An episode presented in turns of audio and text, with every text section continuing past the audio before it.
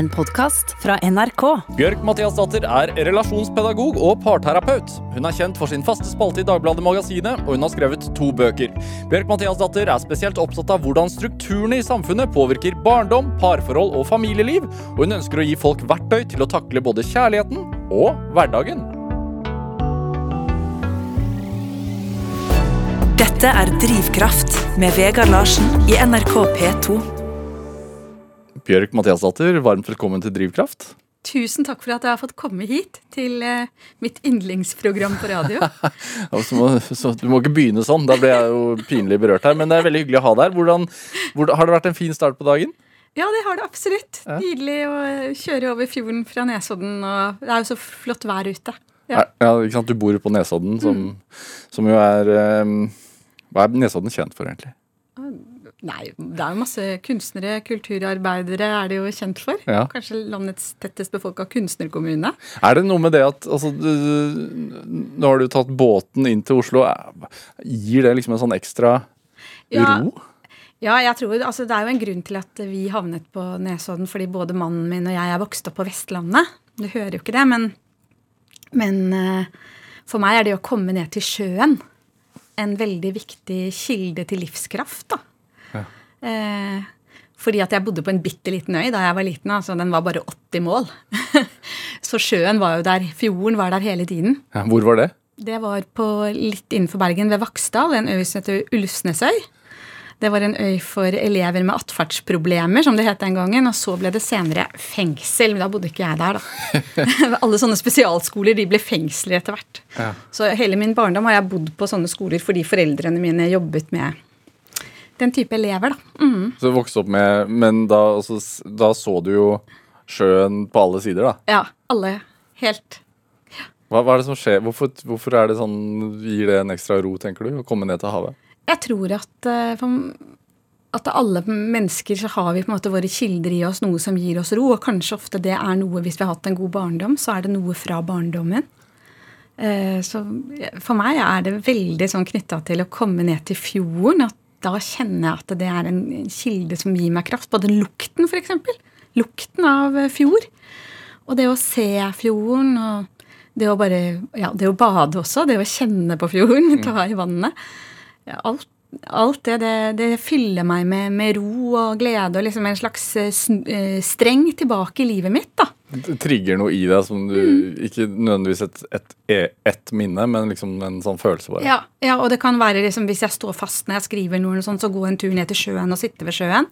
Da kan jeg kjenne at jeg blir mer kreativ igjen. da. Tror du altså øh, vi, er jo midt i en pandemi. Øh, og tror du det er derfor også at mange har søkt ut i skauen og søkt eh, ut til sjøen og Ja, eller jeg, ja, jeg tror at folk måte kanskje kjenner at nå må jeg på en måte gå til de stedene som gir meg kraft. Og noen føler at skogen gir dem kraft. Andre sier jeg må på fjellet. Det er det som gir meg kraft. ikke sant? Eh, og så tenker jeg at ja, naturen er et sted som vi kan hente kraft, men det kan også være andre kilder. altså F.eks. kunst, litteratur, musikk kan være sterke kilder for folk til å finne ro og livskraft og ny gnist. og også forståelse av seg selv og livet og verden. Da. Du er jo eh, parterapeut og relasjonspedagog. Og, og, og hva, hva tenker du om hverdagen til folk nå? Hvordan påvirker, påvirker pandemien oss egentlig? Ja, I vår, når det, det vi hadde den første nedstengningen, da ble jeg veldig mye oppringt av journalister. Som, og jeg følte veldig at de ville ha meg til å si noe bestemt. At de, vil, de ville at jeg skulle si at hjemmekontor var helt forferdelig for folk, og at nå kom alle til å bli skilt og sånn. Men det hadde jeg ikke lyst til å si. Så da hendte det at det, det jeg sa, ikke kom på trykk. Jeg jeg føler at det var i, i våres at det var sånn Allerede etter to uker, eller nesten allerede Ja. etter én uke, så var det sånn Sånn takler du hjemmelivet. Ja, var veldig, man var veldig sånn raskt på banen og veldig sånn at dette var forferdelig. Mens det jeg opplevde når jeg snakket med en del av mine klienter, og også med andre folk, det var jo at veldig mange syntes det var litt godt å få litt ro og slippe den lange reiseveien til jobben, og endelig har jeg tid til å se en serie, sa noen, og noen sa at endelig får vi snakket sammen. Eh, og jeg opplever vel at til daglig, det vanlige stressa livet vi lever, det blir litt for lite satt under lupen, da. Og at det faktisk er veldig slitsomt for folk. Det å når to stykker er i to fulle jobber og skal reise kanskje ganske langt til jobben sin. Eh, og at liksom, livet blir for fullt. da. Man prøver å stoppe for mye inn i livet. Men selvfølgelig, dette er jo veldig forskjellig, og jeg tror at liksom, i vår så var det litt annerledes, fordi at da gikk vi mot lysere tider. Vi kunne nettopp det her gå ned til sjøen, gå ut i skogen, gå ut, treffe folk ute. Sommeren lå og venta på oss. Ja, og jeg så liksom da jeg bodde at uh, veldig mange familier liksom traff hverandre på lekeplassen, og ja, at det skjedde et sånt veldig fint sosialt liv. Mens nå eh, tror jeg det er verre fordi at eh, i den mørke tida vi er i nå, så er det jo sånn til vanlig at Kanskje det som holder oss oppe, er å treffes, spise sammen, tenne lys, sitte litt tett, synge. Eh, og gjøre de der faste tingene vi gjør i november og desember, da. Mm. Veldig mange har jo sånn fast treffe hverandre, bake pepperkaker, lage ting. Altså. Og så når det blir borte, så tror jeg at eh, det er hardere for folk nå. Mm. Hva, hva tror du at det kan gjøre hvis man blir tvunget til å la være å være sammen i jula? Ja, det tror jeg at julen det, eh, Vi har f.eks. For forskning på barn som vokser opp i alkoholikerfamilier. Altså, eller familier der det er rus. Og så ser man en så stor forskjell på de barna hvor foreldrene har klart å legge rusen bort under bursdager og julefeiring. da. Sånn at de tingene har blitt eh, feiret, og at barna har kunnet se fram mot det. Eh, så, så, sånne type feiringer og tradisjoner, ritualer, det betyr veldig mye i livene våre. Eh, og hvis det blir på en måte forandret veldig mye på, så kan nok eh, Som det kanskje blir i år, da, mm. for mange, så gjør nok det noe med det psykiske. Ja. Men selvfølgelig så har vi vært ute en vinternatt før. Eh, og det finnes også ressurser i oss til å takle at ting blir annerledes. Til å takle at ting blir vanskelig. Liker vi litt sånn unntakstilstand? Både og. Jeg tror noen kan synes det er spennende. Vi er forskjellige mennesker. Mm. Så jeg, jeg, tror på veldig lite på egentlig sånn generelt å si sånn og sånn er ting. Sånn og, fordi at vi er så forskjellige. Og vi lever ulike liv, og vi prøver å på en måte takle disse ulike livene våre så godt vi kan. da. Det beundrer jeg egentlig folk for. Hvordan de takler så mye. Altså, i går fikk jeg en melding fra en dame som fortalte at det, det året her hadde vært så vanskelig. Hun hadde øh, ja, opplevd ting med barna sine som hadde vært kjempevanskelig. Og, opp, og, så var det korona, og midt oppi det så hadde mannen gått fra henne. Eh, men så Eh, og det, det blir kanskje litt skrytete, men det var bare sånn For det, det, er sånne meldinger som rører meg veldig. Så hadde hun truffet mannen, og så hadde de lest den siste boka som jeg skrev nå. Og så hadde de snakket om det. Det er Sånne meldinger får jeg veldig mye. Eh, og da hadde de på en måte funnet tilbake til hverandre. da. Men det, og det måtte jeg bare skrive til henne at jeg beundrer deg sånn at du har stått i alt det du har stått i. Men ofte så har man jo ikke noe valg. Man må bare gå gjennom det som livet kommer til deg med. da. Mm. Men så er det hvordan du gjør det. Får du annerledes henvendelser nå om dagen enn du får i et pandemifritt år? holdt jeg på å si? Ja, altså jeg får jo litt sånn henvendelser. Hei, vi traff hverandre. Vi ble kjærester første uka etter pandemien, så vi, vi flyttet liksom sammen i en kohort med en gang. eh, sånne type henvendelser har jeg ikke fått så mye. Hva gjør vi da, liksom? Vi, vi ble altfor tett, altfor fort sammen. Men det kan jo skje ellers òg, men, men, men, da har man jo på en måte mer sånne escape-muligheter, da. Så ja. ja. Eh, Bjørk Mathias du er jo eh, relasjonspedagog, hva er det? Ja, Egentlig er jo ikke det noen eh, beskytta tittel. Det, det, er ikke noe profesjon? Nei, det kommer egentlig av at um, Hvorfor jeg kaller meg det For jeg er jo parterapeut også, men så syns jeg ikke det blir helt dekkende for det jeg er. fordi at jeg ble, da jeg var 18 år, så begynte jeg på lærerskolen. Jeg har vokst opp i en lærerfamilie og vokst opp på skoler og vokst opp med en bestefar som var skolemester og sånn. Så pedagogikk og skolefaget og barn og alt det ligger veldig hjertet mitt nært. Og så jobbet jeg en del år som lærer, og jeg likte veldig godt å være lærer. Eh, Hva likte du med det, da? Egentlig det samme jeg liker med den jobben jeg har nå. Å se mennesker utvikle seg. Mm. Og å være en formidler. Det liker jeg. Men hva, Hvordan er veien fra å bli, være lærer til å bli relasjonspedagog? Jo, altså egentlig var det fordi at da jeg, vi fikk det første barnet vårt, så eh, Da var jeg 25, eller jeg fylte vel 25 rett før jeg fikk henne. Og før jeg fikk henne da jeg var gravid, så tenkte jeg å, skal jeg være hjemme i seks måneder? Det var det som var permisjonstiden den gangen. Det kommer jeg jo ikke til å holde ut. Det er jo altfor lenge. Det blir altfor kjedelig. Så da begynte jeg å studere videre på Blindern og ta pedagogikk videre. Eh, men så fikk jeg jo barnet bare to uker etter at jeg hadde begynt der. Eh, og så syns jeg jo det var helt fantastisk å bli mamma, og jeg syns ikke det var kjedelig i det hele tatt. Og jeg syns at jeg hadde mer enn nok i livet mitt. Så da ville jeg slutte på det studiet, men da sa Eva Nordland, som var en sånn nestor i pedagogikkfaget, at eh, ikke slutt. Men hva er du opptatt av nå? Apropos drivkraft, som vi snakker om. ikke sant? Hva er du? Og da kjente jeg jo at det jeg var opptatt av, og som provoserte meg, det var jo at alle rundt meg, mine kollegaer, alle sa liksom Å, så fantastisk at du studerer. Men ingen sa så fantastisk at du har fått barn, og alle sa heller å, skal du få barn så tidlig, og det var så mye negativt rundt det. Eh, og så tenkte jeg også på hvor kom den forestillingen jeg hadde om at det skulle være kjedelig å være hjemme, hvor kom den fra, liksom? Eh, og da vil jeg skrive om de tingene. Mm.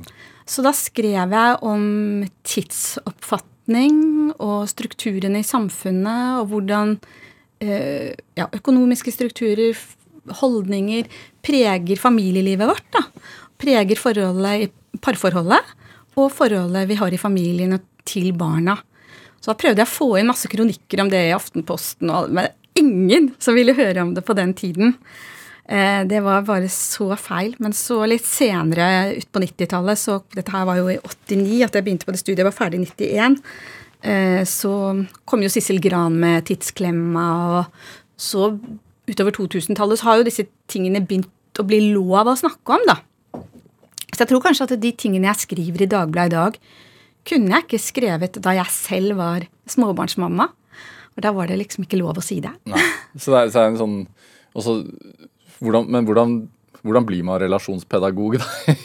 ja, og da, da, da, går jo det på at jeg, at jeg, studerte dette med relasjoner, ikke sant? Ja. Eh, og pedagogikk. Og så bruker jeg er på en måte den kombinasjonen av å være parterapeut og å være pedagog, og da har fordypet meg i relasjonene i familien, som jeg syns at det mest riktige blir å kalle meg relasjonspedagog. Også fordi jeg i min jobb som parterapeut så holder jeg jo veldig, veldig mye kurs.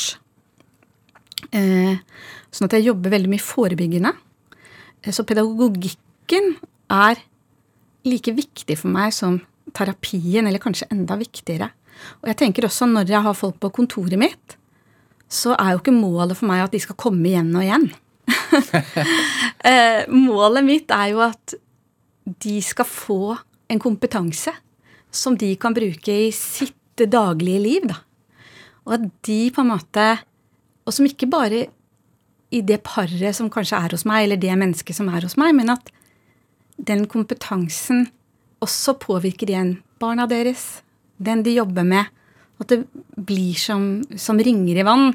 Eller som jeg Jeg tror jeg skriver i forordet til den siste boka at, eh, at når du At jeg håper at det når du leser det jeg skriver, og sånn er det jo også når jeg holder kursen, det møter jo du med den du er. Eh, og den bakgrunnen du har. ikke sant? Sånn som Når du og jeg snakker sammen nå, så gjør jo du dine betraktninger fra hvem du er.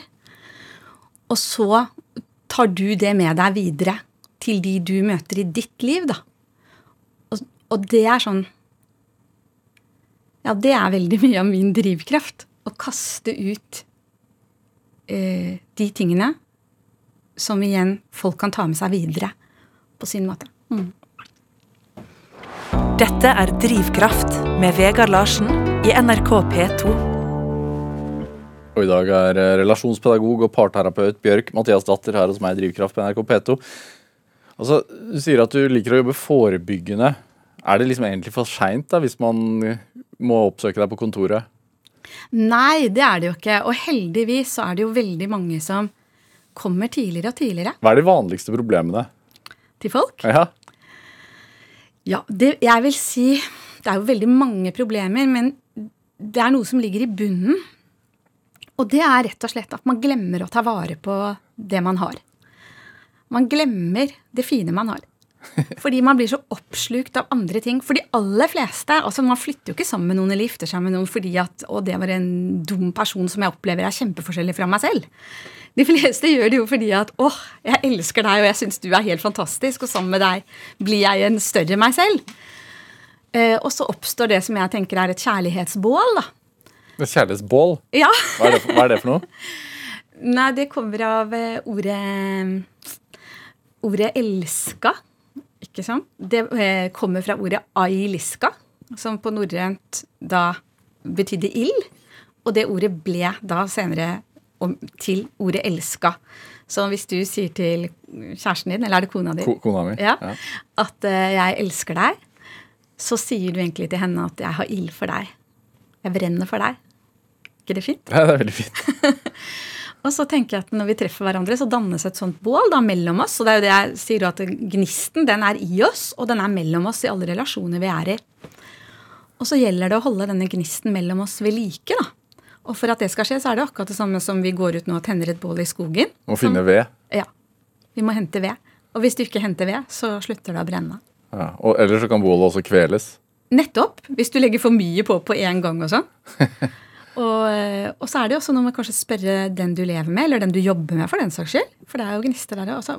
hva slags ved er det som du føler får vårt bål til å brenne? Ja.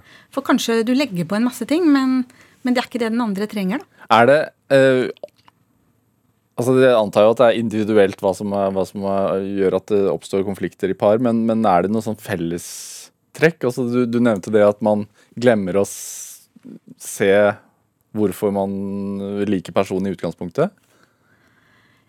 Ja, jeg, jeg tenker altså både det at man, at man glemmer å ta vare på det fine, det tror jeg er det aller viktigste. Og så er det jo også det at eh, man er forskjellig, rett og slett, og kanskje håndterer følelser veldig ulikt. Og så, når den ene kanskje blir mer eh, stille, innadvendt, eh, lei seg på den måten, så tolker den andre som at du liker ikke meg, du bryr deg ikke om meg. Eller den andre kanskje skriker og hoier og slenger med dørene. Så tolker den andre henne at å ja, men du liker ikke meg siden du gjør sånn. Og så går vi lenger og lenger fra hverandre, da. I stedet for å kanskje snakke fra et sårbart sted og si når du blir så stille, da blir jeg usikker og redd. Eh, og hvorfor er du det? I stedet så liksom durer vi på hverandre og slår hverandre i hodet. Hvor, hvor mye bruker du av, av liksom egne erfaringer når du gir råd? Eller er det, gir du faktiske råd, eller hva gjør du? Begge deler. Ja. Jeg både Men jeg prøver jo å lytte meg fram. Og høre hvor folk er. Og møte de der de er. Og når jeg har blitt kjent med folk, og skjønner hvem de er, da kan jeg gi, råd. Og da ja, kan jeg være ganske tydelig, ja. Det, det er risiko, da. Men jeg sier aldri sånn Alle tenker sånn Å, sier du at folk må gå fra hverandre? Ja, og sånn. jeg har Men- sett på Dag, eh, Ja. som jo også er relasjonspedagog, det var, eller eh, parterapeut. Han ga ganske krasse råd. Ja, det er veldig mange som sammenligner meg med han. Eh, Eller når de kommer på kontoret og sånn, for å liksom bryte isen. Men jeg er nok veldig annerledes enn han. Jeg er nok kanskje på den måten at jeg kan være tydelig, kan jeg jo være lik han, men han tror jo ikke på kjærligheten. Det gjør jeg. Hvorfor det? Eh, fordi at eh, jeg tror at kjærlighet er like viktig for oss mennesker som mat og varme. Jeg er helt overbevist om det. Hva er det hvor, hvor vanskelig er det, da? Å tro på kjærligheten. Ja? Nei, det kan jo være veldig vanskelig. Altså, jeg sleit med det en stund selv. Um, fordi når jeg var 15 år, så ble foreldrene mine skilt. Og det var veldig sånn sjokk for meg. Uh, at faren min ville flytte fra oss. Det Jeg kunne nesten ikke tro det var sant. At et menneske jeg stolte så inderlig på, kunne dra fra oss. Ehm, og litt, da begynte jeg jo liksom å, å tvile egentlig litt på på kjærligheten, at den kunne vare, da. Og jeg ble litt redd for å stole på folk. Og så når jeg traff eh, mannen min, så var han veldig sånn Å, vi skal gifte oss, og vi skal få barn, og Men jeg holdt nok litt tilbake. Men han trodde så sterkt på kjærligheten. Han hadde ikke de sårene, da. Så han fikk meg til å tro. Og eh, når den ene datteren vår var åtte år, så hadde jeg en opplevelse som var veldig sterk, og det var på den tiden jeg begynte å holde kjærlighetskurs. Da satt jeg og skrev og forberedte meg til et kurs. Og jeg skrev og skrev og skrev og skrev alt det fine jeg skulle si. og så gikk jeg for å hente meg en tekopp og hadde den PC-en oppå en sånn trappeavsats. Og når jeg kom gående opp, så hørte jeg bare sånn at hun klikket på tastaturet, ikke sant? Og, og da kjente jeg det i magen. Oi, hva er det som skjer nå? Og så så jeg henne satt der, og så når hun merket meg, så bare pilte hun ned fra stolen sin og inn på rommet sitt. Og da lyste det mot meg sånn skriftstørrelse 72 eller ja, et eller annet. Og jeg bare Hva har hun gjort i mitt manus? Men når jeg så det som sto der, da hadde hun skrevet Du må tro at du kan elske. Liksom på én linje så hadde hun syns jeg, fått sagt noe mer vesentlig om kjærlighet da, enn jeg hadde på mine 23 sider. Hvorfor tror du hun ville gi det rådet til moren sin? Jeg vet ikke om hun ville gi det til meg. Jeg bare tror at hun så at det var skrevet om kjærlighet, og, og at hun tenkte at sånn er det. Og så tror jeg at vi vet kanskje veldig mye når vi er barn, som vi glemmer. Og det er noe av det som er bakgrunnen min for å skrive om Gnisten også. Mm. At jeg tror at vi alle er født med en veldig sterk gnist i oss. Og så mister vi mye av dem. Fordi vi møter mye dumt og feil, og mister vi kanskje forståelsen av det som virkelig er viktig.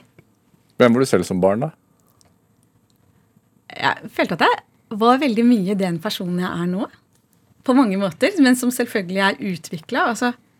Men at jeg hadde mye Når jeg løp rundt på den øya, hadde mye av den kraften i meg. Hva het den øya igjen? Unnskyld. Ulvsnesøy. Ulvsnesøy. At jeg hadde mye kraft og tro og fantasi og glød til å skape og interesse for å lære, som jeg tror egentlig veldig veldig de aller fleste barn har. Hva gjorde moren og faren din, da? Faren min var rektor. Han var først lærer, og så var han rektor. På den, på den skolen? Ja. For problemfylte barn? Var ja, det sånn? Ja, ja. ja. Og de barna gikk jo ut og inn hjemme hos oss. Fordi foreldrene mine mente at eh, de skulle se hvordan et vanlig hjem var. da. Fordi mange av de hadde ikke sett det. Så jeg lærte veldig tidlig at det livet At det er ikke gitt at du vokser opp i en familie der ting funker. og det, ja, det kunne like gjerne vært annerledes. Men tenkte du allerede det som, som barn? Eh, ja. Jeg tror jeg fikk den forståelsen veldig veldig tidlig, også fordi det ble sagt. Fordi at sant, du vokste opp eh, Vi barna som jeg lekte med, som var barna de ansatte, vi bodde i våre små hus, og så bodde alle disse gutta i et stort internat. ikke sant? Var det, var det en anstalt som dere altså Ble de et slags barnehjem, eller hva? hva, hva det var jo en skole, da. Ja. Fordi at de ikke de fungerer en spesialskole. Mm. Så eh, Og så fikk du jo kontakt med utrolig mye folk som også jobbet der. Altså forskjellige yrkesgrupper. Bønder, Altså en, en bonde som drev på en måte gårdsbruk, en sydame, en kokke. Så det var et sånn lite miniatyrsamfunn mm. som var et paradis å vokse opp i. uh, men Nei, hvor var vi egentlig? men så flyttet dere? Ja, vi flytta. Vi, dessverre, altså Foreldrene mine var jo østlendinger. Så flytta vi til Valdres ett år fordi faren min skulle videreutdanne seg. Og da bodde vi på skolen til bestefaren min som eh, var en sånn gammel grendeskole. Det er lang lærerslekt. Ja, veldig. Og bestefaren min er en helt utrolig viktig person i livet mitt. Hvorfor det? For jeg vet ikke. At det er han kanskje i familien som jeg føler meg mest beslekta med. Eller, han hadde jo alltid tid, og han lærte meg så mye. Og jeg husker det året så husker jeg han hadde en sånn der gammel hvit taunus med røde skinnseter. Helt fantastisk. Og han kjørte alltid rundt i den med hatt. og så kjørte vi rundt og solgte sånne 17. mai-blomster. Og så husker jeg at jeg så hånda hans på rattet, og at jeg så de der to ringene han hadde på samme finger. Jeg hadde jo sett det før, men jeg husker så utrolig godt det øyeblikket jeg virkelig la merke til det. Og så spurte jeg han om de to ringene, hvorfor han hadde to ringer, og så sa han det er jo fordi at bestemoren din er død. Og det visste jeg jo godt at hun døde når mammaen min var tre år. Så det er jo en sånn familiehistorie også, som preger flere ledd, da. Og så fortalte han meg om henne, og om kjærligheten og og akkurat det øyeblikket òg, så husker jeg at da skjønte jeg at kjærlighet også er sorg. At vi sørger fordi vi har elska noen. Um, og jeg snakket utrolig mye med han om kjærlighet gjennom barndommen, og spesielt da jeg traff mannen min. Um, og også om livet i sin helhet, hva som er viktig i livet. Hva sa han til deg, da, bestefaren din? Han sa f.eks. sånn at uh, du må huske at et strå kan være sterkere enn trestammen. For trestammen faller for vinden, men det gjør ikke strået.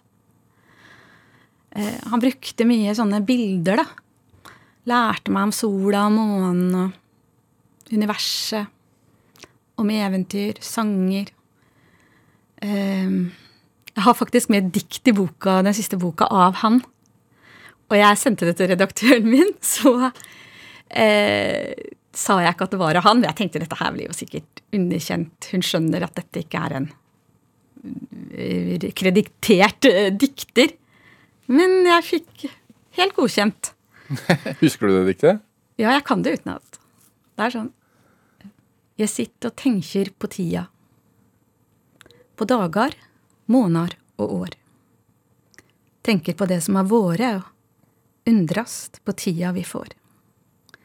Nå er det en vinter i vente, skal tru korleis den vil bli. Kulde og sno og hente og velsigna julestri. Gjev med dagane kunne nytta, slik me har evner til, og ikkje bort deg bytta til tull som me heller vil. Så fint. Ja, Og passer veldig bra. det var morsomt at vi kom inn på det. Ja, det passa jo egentlig nå. Ja, jeg tror det ville jo vært helt fantastisk for han å vite at han hadde fått et dikt med i en bok på Gyldendal. Han var jo en husmannssønn som løp arbeid rundt og hadde et par sko som de bytta på å ha. og Fikk kommet seg til Kristiania og tok lærerutdannelse. Gikk på ski for å få lov å undervise mange, mange mil. Men jeg tenker at det er historien, da. Det virker kanskje litt sånn rart å snakke om, men i Cinque Terre, har du vært der? I Italia? Ja. Nei. Men der har de sånn utrolig fint ordspråk som står sånn gravert inn på en stein eller sånn. Husker jeg så det. Da står det Se om jeg husker. Um, uten historie, ingen identitet. Uten identitet, ingen framtid. Og det tenker jeg at vi kanskje i vår tid er vi veldig opptatt av nuet, da. Og det er bra. Før var vi for lite opptatt av det. Men det er lett for å bli sånn ubalanse. Jeg er opptatt av det med balanser mellom ting. Ja. Og at vi både må tenke på historien, nået og det som skal komme. Og at man skal ha, bruke tid, og ha tid, Ja. til å se hverandre. Ja. Eh, Bjørk Mathiasdatter, eh, du, du har jo med litt musikk av en annen poet. Mm. eh, ikke din bestefar, men eh, Bob Dylan. Hvorfor, hvorfor har du med den låten? Make you, make you Feel My Love. Den har jeg med fordi den er egentlig soundtracket til alt jeg skriver. Eh, jeg setter veldig ofte på den når jeg skal skrive. Fordi jeg tenker at eh, det er så lett å si 'jeg elsker deg'. Men det er ofte mye vanskeligere å få folk til å kjenne at jeg elsker deg. Det er det det handler om. when the rain is blowing in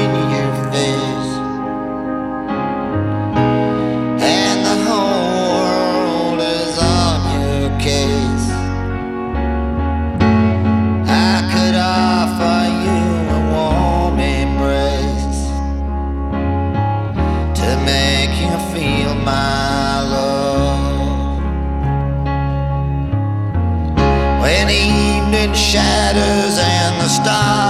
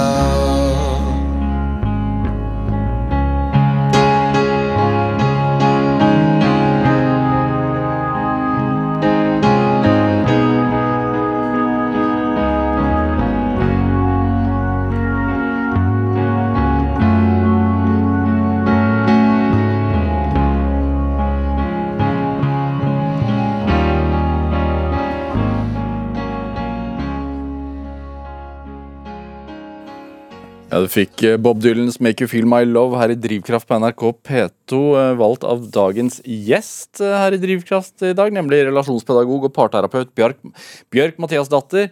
Eh, en nydelig sang. Jeg giftet meg til den sangen. Eh, norsk Ja. versjon riktignok, men det er en helt fantastisk sang. Ja, den var helt nydelig, og så fint å høre at du gifta deg til den. Hvorfor valgte du den? det var kona mi som valgte den, så, men vi, vi, vi var jo enige. Så det er Det er godt å høre. fin sang om kjærlighet. Eh, eh, vi snakka om barndommen din. Eh, og du beskrev jo en ganske harmonisk barndom. Eh, men, men jeg skjønner jo sånn at det var ikke bare lett heller. Nei, altså etter at vi hadde bodd det fantastiske både på den øya, som var helt fantastisk, og det året hos bestefaren min, som også var veldig, veldig fint, så flyttet vi igjen. Og da flyttet vi til sånn flatbygd på Østlandet, hvor jeg verken kunne se sjø eller fjell. Så det merket jeg at det, det likte jeg ikke. Hvordan det så ut rundt meg. I tillegg så eh, hadde jeg det veldig, veldig tøft. Vi bodde der i to år på skolen. Eh, for jeg prøvde på en måte å passe inn eh, og begynne å si ikke, da. Som barn gjør, da. Ja, ikke sant? Og så ble det liksom til at jeg sa ikke og ikke og ikke i samme setningen. Eh, og jeg ble mobba ganske mye. av det, Vi forstår ikke hva du sier, og du snakker så rart. Og, og da bare tenkte jeg det er jo ikke noe vits i å si noe. Så jeg snakket ikke så mye med de andre.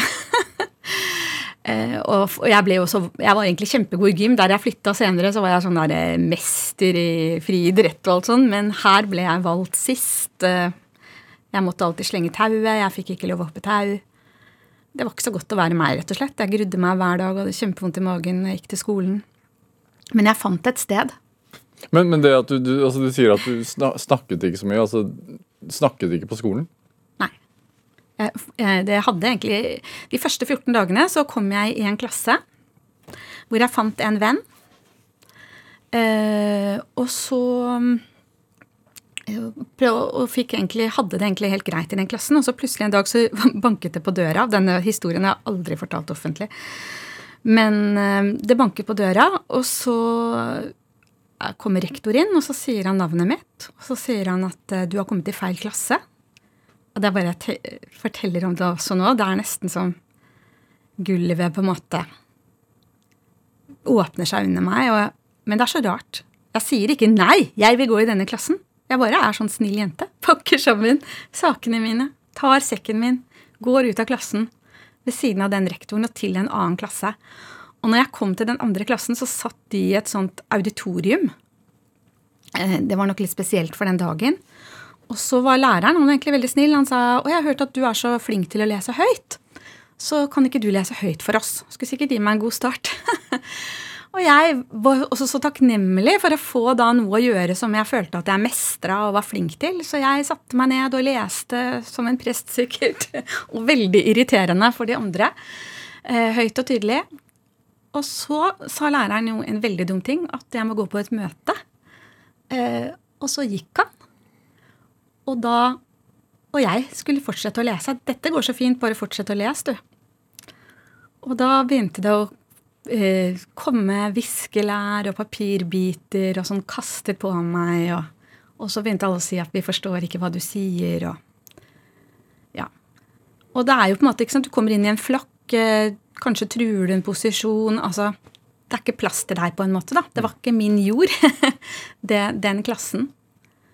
Uh, og det skriver jeg jo så mye om at vi kan alle blomstre om vi står i riktig jord. Og de to årene var ikke riktig jord for meg, men jeg fant et sted som var riktig jord, og det var biblioteket. Uh, og jeg lånte maks antall bøker hver uke. Fortalte du det hjemme, da, dette her? At du ikke, ikke ville prate på skolen? Nei, jeg fortalte det ikke. Uh, fordi at jeg, jeg, tror at jeg tenkte at foreldrene mine hadde nok, at det var slitsomt å flytte, og jeg fikk en liten bror som var for tidlig født. Eh, jeg har nok alltid tatt veldig mye ansvar for andre menneskers følelser. Så jeg gjorde ikke det. Men jeg leste bøker. Hvorfor tror du at du har tatt ansvar for andres følelser? Fordi at jeg tror at jeg ser veldig lett hvordan folk har det. på godt og vondt. Mm. Og så Ja. Jeg tror at Når man er barn, så har man jo ikke den evnen til å mentalisere, da, som vi er opptatt av som terapeuter. ikke sant, Å se deg selv utenfra. Mm. Men det er det jeg prøver å komme inn på, at det som virkelig hjalp meg med det, det var å lese. Og jeg var jo veldig heldig som var en så god leser, og som likte så godt å lese. fordi eh, ved å virkelig dukke inn i, i bøkenes verden, så forsto jeg jo at ja, livet er ikke bare sånn som det var når jeg hadde løpt rundt på den øya. livet er også motgang.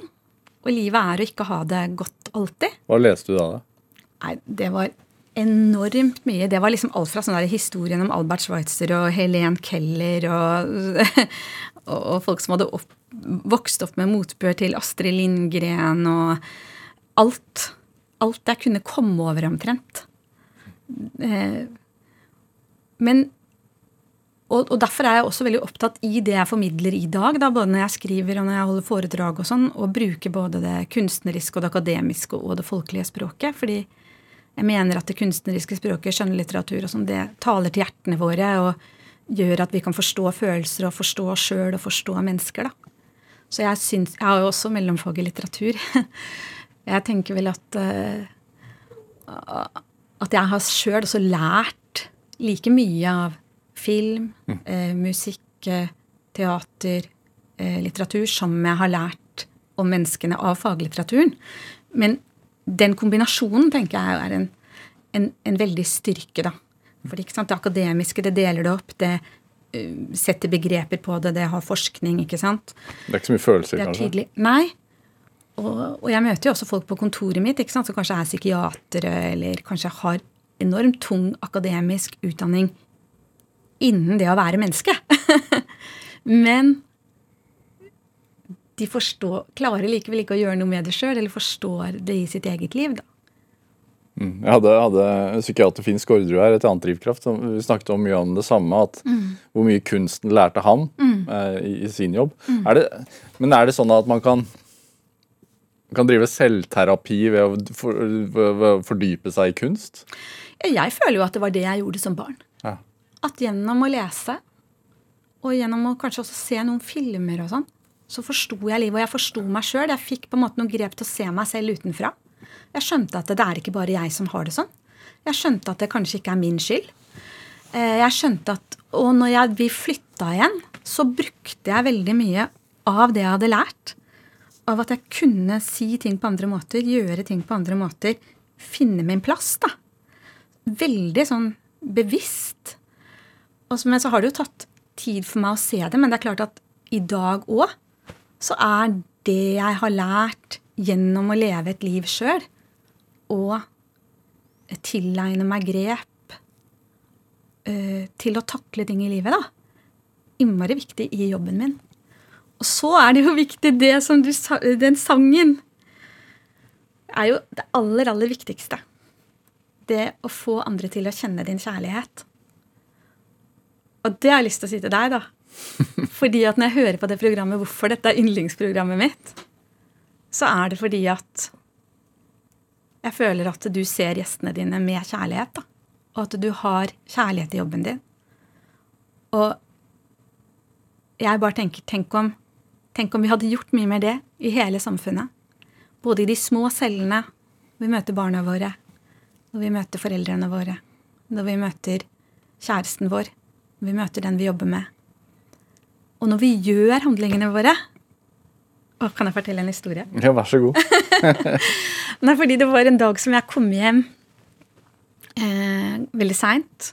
Jeg var så sliten, og det var sånn høstdag. Sånn som, ikke så fin høstdag som nå, det var sånn høstdag som det regna skrått. vet du, ikke sant? Og jeg bare ville hjem. og så går jeg oppover trappen eh, til huset vårt, og så hører jeg sånn ikke om du hører det her, men sånn forsiktig dunking på vinduet. Og så ser jeg opp, og da ser jeg ansiktet til mannen min. Og han ser på meg med sånn Jeg ser på ansiktet hans, da, at han elsker meg. Måten han ser på meg på, måten han dunker på. Han kunne dunket sånn, ikke sant. Endelig kommer du. Fort deg. Men det var sånn Åh. Og så når jeg kommer inn, så har han lagd middag, han har vasket hus, han har til og med tent lys, og da vet jeg at han har tenkt på meg, for det er ikke sånn han gjør for sin egen del. Men eh, jeg, det jeg tenker, da, det er at han kunne gjort det samme. Han kunne vaska huset, han kunne lagd middag. Men han kunne sagt 'Å, kommer du nå?' Eh, ja, 'Det er jeg som gjør alt her. Hvorfor er du så sein?' Altså, og han hadde ikke sagt det engang. Det var holdningen hans. ikke sant? Og som i dagene etterpå, eller i årene etterpå, sånn som nå, så kan jeg enda høre den dunkingen som jeg kjenner betyr 'jeg elsker deg'. Og eh, Karl Ove Knausgård liksom, han har sånn der bilde på det motsatte i, i Min kamp 2. Jeg er veldig fan av de Min kamp-bøkene. da, Syns de er så bra. Men han Hvor han beskriver sitt hverdagsliv. ja, og da skriver han liksom Eller kanskje han, det er i Min kamp 6 han skriver dette. For han skriver 'Jeg ga henne alt. Unntatt Altså, jeg gjorde alt. Jeg vasket, jeg tok ungene ut, jeg gjorde alt.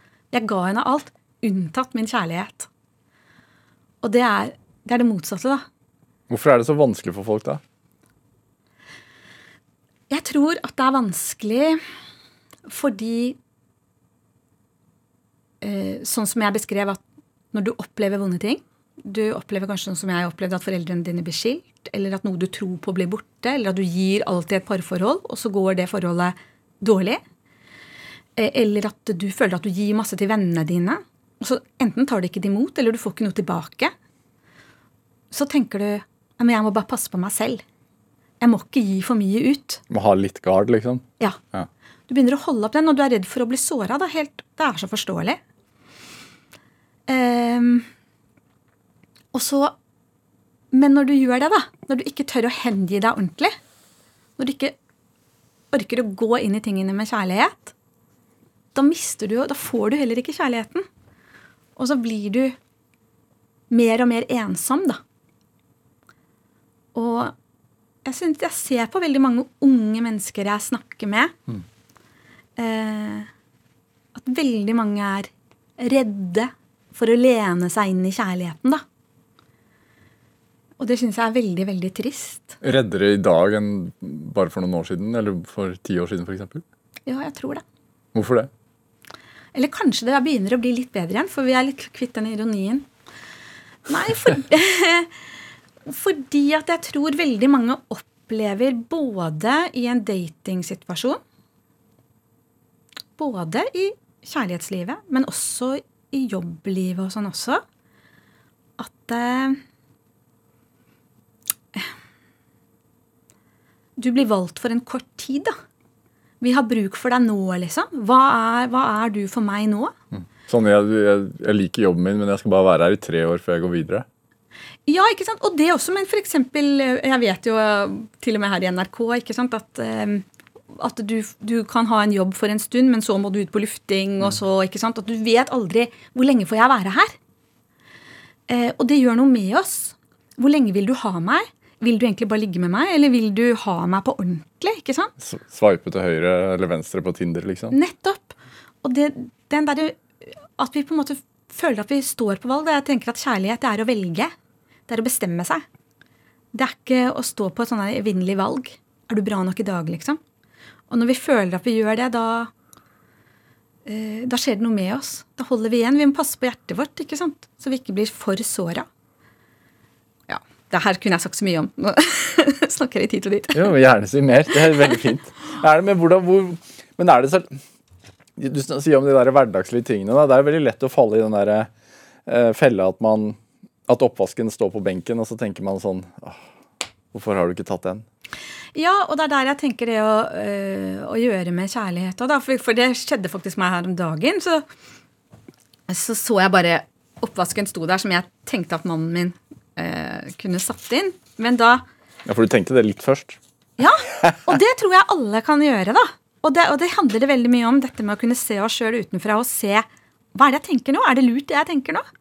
Er det lurt, det jeg gjør nå? Og så kan du gå tilbake. Jeg gir ofte folk det rådet òg. Hvis du kommer inn og så sier du noe dumt til kjæresten din eller den du jobber med, eller noe sånt, så uh, si 'Kan jeg få new take?' Og så gå ut, så se på film. Og så, og så åpne døra på nytt og gå inn på nytt. Og så si det Kom inn, kom inn på nytt, liksom. Og, men da var jeg aleine hjemme, da, og da bare sa jeg til meg selv nei, Bjørk, nå tenkte du dumt.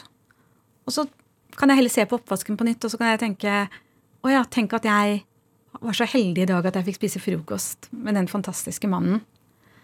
Og jeg så Ole Robert Sunde nå, han skrev en kjempefin kronikk i, eller essay i Vårt Land. Han har mista kona si. Om liksom alt som var borte etter henne, da. Alle samtalene, alt hun bar med seg. Og dette tror jeg alltid har hatt i meg pga. med bestefar som mista kona si, og mamma som mista moren sin. At folk kan bli borte. Så Derfor er det veldig lett tilgjengelig for meg å tenke på det. da, På godt og vondt. Jeg bekymrer meg litt mye òg. Men sånn, det å tenke på det med takknemlighet, da. Og da kunne jeg kjenne at åh, jeg kan sette de koppene inn i oppvaskmaskinen med kjærlighet. Og når jeg gjør det med kjærlighet, da er det jo ikke tungt for meg.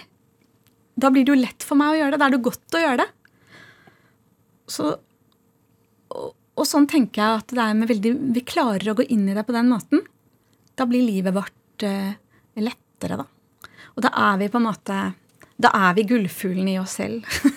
Hva, hva mener du? Hva er, Gullfuglen, hva er det for noe? Gullfuglen er egentlig også en annen historie. Nå forteller jeg veldig mange historier, da. Men jeg, Det er, ja. det er derfor du er her, Bjørk Mathias Datter. jeg er jo på mange måter også en historieforteller. Eller jeg liker å fortelle jeg, forst, jeg mener at vi forstår verden gjennom historier. da, Gjennom begynnelse og midte og slutt. Um, jeg prøver på en måte å lage en historie ut av hver gang folk er hos meg òg. Ser du på livet ditt som en historie også? Altså med en begynnelse, en midt og en slutt? Alle liv er jo det. Alle liv er jo en historie. Og alle, alle liv er så interessante. Det fins ikke ett liv som egentlig er mer interessant enn et annet liv, tenker jeg. Hvor mye påvirkningskraft kan man ha selv for at, for at eh, den historien blir en god historie? Ja, alle historier kommer jo an på hvordan du forteller den. Men jeg tror at det er også veldig farlig å vri for mye på den. Eh, du må på en måte ta inn over deg eh, Når du tar inn over deg det som er vanskelig, da, så kan du også få det bra. Eh, leverte faktisk akkurat i går kveld en artikkel til Dagbladet. Vet ikke om jeg skal forutsi hva som står i den, men eh, den handlet om, om et opphold jeg hadde på sjukehus hvor jeg var innlagt med en sterk infeksjon midt i jula. Og jeg prøvde å late som det ikke var jul. eh, og da hadde jeg det ikke noe bra. Men når jeg tok For jeg bare tenkte jeg kan bare late som det ikke er jul. Det er bare en vanlig torsdag. Men når jeg tok innom at det var jul og våget å sørge over det, da kunne jeg også kjenne gleden. Eh, for jeg tror ikke på det der som er så moderne å si i dag, at du skal bare ta en glassklokke over deg, og så skal du stenge de og de følelsene ut, og du skal ikke bry deg om når folk sier det og det. For det jeg ser, er at når folk gjør det, så stenger man jo ikke bare det vonde ute, man stenger jo det gode ute òg. Og derfor skal vi være forsiktige med menneskene òg. Vi er mye skjørere enn en det det ofte blir framstilt. Vi skal være mye snillere med hverandre, syns jeg. Syns du ikke vi er det? Jeg syns vi er for slemme med hverandre. Sånn generelt sett ofte i samfunnet. Så at man er for dårlig til å se hverandre og løfte hverandre. Og det, er, det har jeg veldig lyst til å gjøre noe med. da. Derfor har jeg lyst til at folk skal være gullfugler. Ja, ikke sant? Tilbake til det. Jeg tror at alle har den i seg. Hva er det for, hva, hva ja, det for det var den historien. Ja. ja. Nei, fordi det var en dag som mannen min og jeg våkna en søndag. Og så eh, hadde vi ikke noe i kjøleskapet. Bare noe tørt brød og noe kaffe. Og så eh, lagde vi oss det. Og så fant vi ut at ja, men dette er jo også litt smør på brød, da. Da ble det jo liksom luksus, ikke sant. Så da, og så sier mannen min dette er jo Patti Smith-dietten. Dette er jo det hun levde på da hun var kunstner i New York. Og da ble det liksom, ikke sant? Følte vi oss litt kunstneriske og bestemte at vi skulle dra på en utstilling. Og så kjørte vi av gårde, og så begynte det å snø. Sånn der skikkelig våt, tung, masse snø, og det gikk kjempetreigt. Og når vi kom fram, så var det ganske mørkt, og mannen min hadde tenkt å ta bilder, og det fikk vi ikke gjort. Og kanelbollene vi hadde gleda oss til, de var utsolgt. Suppa var salt, og utstillingen den var ikke noe særlig bra. Så, men uansett, allikevel, da Og jeg hadde migrene, hadde jeg òg. Eh, og, og, satt der i den kafeen, og det lyset gikk mot meg, og barn skrek. Men allikevel, tross for alt det her, så hadde vi det så utrolig fint. Og så helt på slutten av dagen så fant vi i den museumsbutikken en Hvorfor sånn- hadde dere det fint? Nei, det er det! Hvorfor hadde vi det fint? Og det er nettopp det at ting kan liksom være så dårlig av og til i det ytre og ikke gå sånn som vi har tenkt. Vi, vi brydde oss ikke om det. For vi så det som var viktig. Vi, vi så at her er du og jeg, og vi har hverandre. Og livet er nå. Og vi bare Og det er jo ikke så veldig mange år siden. Nå har vi vært sammen i 34 år, vært gift i 31. Eh, jeg bare følte meg så utrolig forelska i han. Jeg syntes han var så utrolig kjekk. eh, bare det å kjenne, sitte og holde i hånden hans i bilen, og at eh, det varte så lenge, den turen. Altså, En annen dag så ville jeg kanskje ikke klart det. Da ville jeg irritert meg og begynt å kjefte på han. ikke sant? Sagt 'hvorfor hadde ikke du handla inn'? Eh, du kan jo kjøre der. For du kan gjøre det også. Selvfølgelig. Selvfølgelig. Det er jo derfor jeg har lært meg alle disse tingene. Fordi, fordi, fordi at vi alle er mennesker. Og vi alle kan tenke feil og handle dumt. Men den gullfuglen, da, den ble med oss hjem. Og den har blitt sånn symbol for oss da på den dagen. Og på de mulighetene som, som ligger inni oss, som vi bærer med oss i det indre. Til tross for at eh, det er vanskelig at, vi, at ikke alt er perfekt. da. Og livet er jo ikke perfekt. Og derfor når du sier du gifta deg, ikke sant? du inngikk jo ikke noe perfekteskap. du inngikk jo et ekteskap, tenker jeg. Men det jeg syns er fantastisk, det er jo at den gullfuglen er blitt eh, Så sendte jeg den historien til Lisa Aisato, og så tegnet hun gullfugl. Og når jeg så den, så visste jeg at det er forsiden til den neste boka. Som skal handle om, om gnisten i oss, og som skal handle om, om gullfuglen eh, som bor i oss alle. da. Ja, At man skal ta vare på den gnisten. Livsgnisten. Ja, eller jeg tenker gnisten er livsgnisten. Det var det jeg egentlig tenkte å hete først. Men så gnisten er så mye mer enn livsgnisten òg. Det er på en måte Det er varmen i deg, ikke sant? Som jeg kan merke når jeg sitter her. Men du, du, du sa at du er opptatt av eh, at vi lever nå. Glemmer vi det? Tenker vi litt sånn uh, Må bare bli ferdig med det, fordi neste uke så Ja, jeg tror i hvert fall vi tenker veldig sånn Skal bare gjøre det først. Eller når jeg får pussa opp, og når jeg får ordna, og når jeg får det fint nok her, da skal jeg invitere gjester og sånn. Og så blir det aldri. Eller Er det noe rå, altså er det noe hemmelighet for å uh, sette pris på de små tingene? Det ene blikket, eller altså, hva, hva er hemmeligheten for å faktisk gjøre det? Jeg tror det er å være bevisst. Det er jo Gordon Johnsen som jobber på Modum Bad tidlig. Han sa jo det at det vi får bevisstgjort, det kan vi gjøre noe med. Mens det vi ikke bevisstgjør, det vil alltid gjøre noe med oss. Og jeg tror at uh, det å være bevisst de små tingene, hva som er viktig i livet, men også å holde det fram. Og snakke om det, da. Og det er jo det jeg vil. altså Det jeg blir mest glad for folk sier til meg etter kurset, foredraget, bøker og sånn, det er at de har begynt å tenke over sitt eget liv, da. Og blitt mer bevisst de små tingene og takknemlige. Jeg prøver hver kveld når jeg legger meg å tenke på ting jeg er takknemlig for den dagen. Er det et godt råd? Ja, det syns jeg. Og så prøver å si takk til andre mennesker òg. For små ting. Takk for at du hørte på meg. Og så prøver jeg å si unnskyld. Er det, er det enklere å si Er det enklest å si takk, eller enklest å si unnskyld? Det er jo enklere å si takk. Det er Ja. veldig vanskelig for folk å si unnskyld. Det må folk øve veldig mye på. Men når du sier unnskyld, da sier du jo 'jeg ser hva jeg har gjort mot deg'. Eller hva jeg ikke har gjort. Tenker jeg at Folk kan være mye bedre på å si unnskyld for det de ikke har gjort. Unnskyld for at jeg ikke så deg. Unnskyld for at jeg glemte å takke deg for alt du har gjort for familien vår. Da. For uh, at du har vært der for meg. Bjørk Mathiasdatter, en time går fort. Er det slutt? Helt på slutten her, hva, hva er drivkraften din? Drivkraften min, det er at folk skal ha det best mulig i livet sitt. Og at jeg tror at eh, det går gjennom å ha det bra med andre. Tusen takk for at du kom hit til Drivkraft. Hør eh, flere samtaler i Drivkraft på NRK på nett, eller last oss ned som podkast. Send oss også gjerne ris og ros og tips til mennesker du mener har drivkraft. Send en e-posten til drivkraft.krøllalfa.nrk.no. Eh, Produsent og researcher i dag var Ellen Foss Sørensen. Eh, Jeg heter Vegard Larsen. Vi høres. Du har hørt en podkast fra NRK. Hør flere podkaster og din NRK-kanal i appen NRK Radio.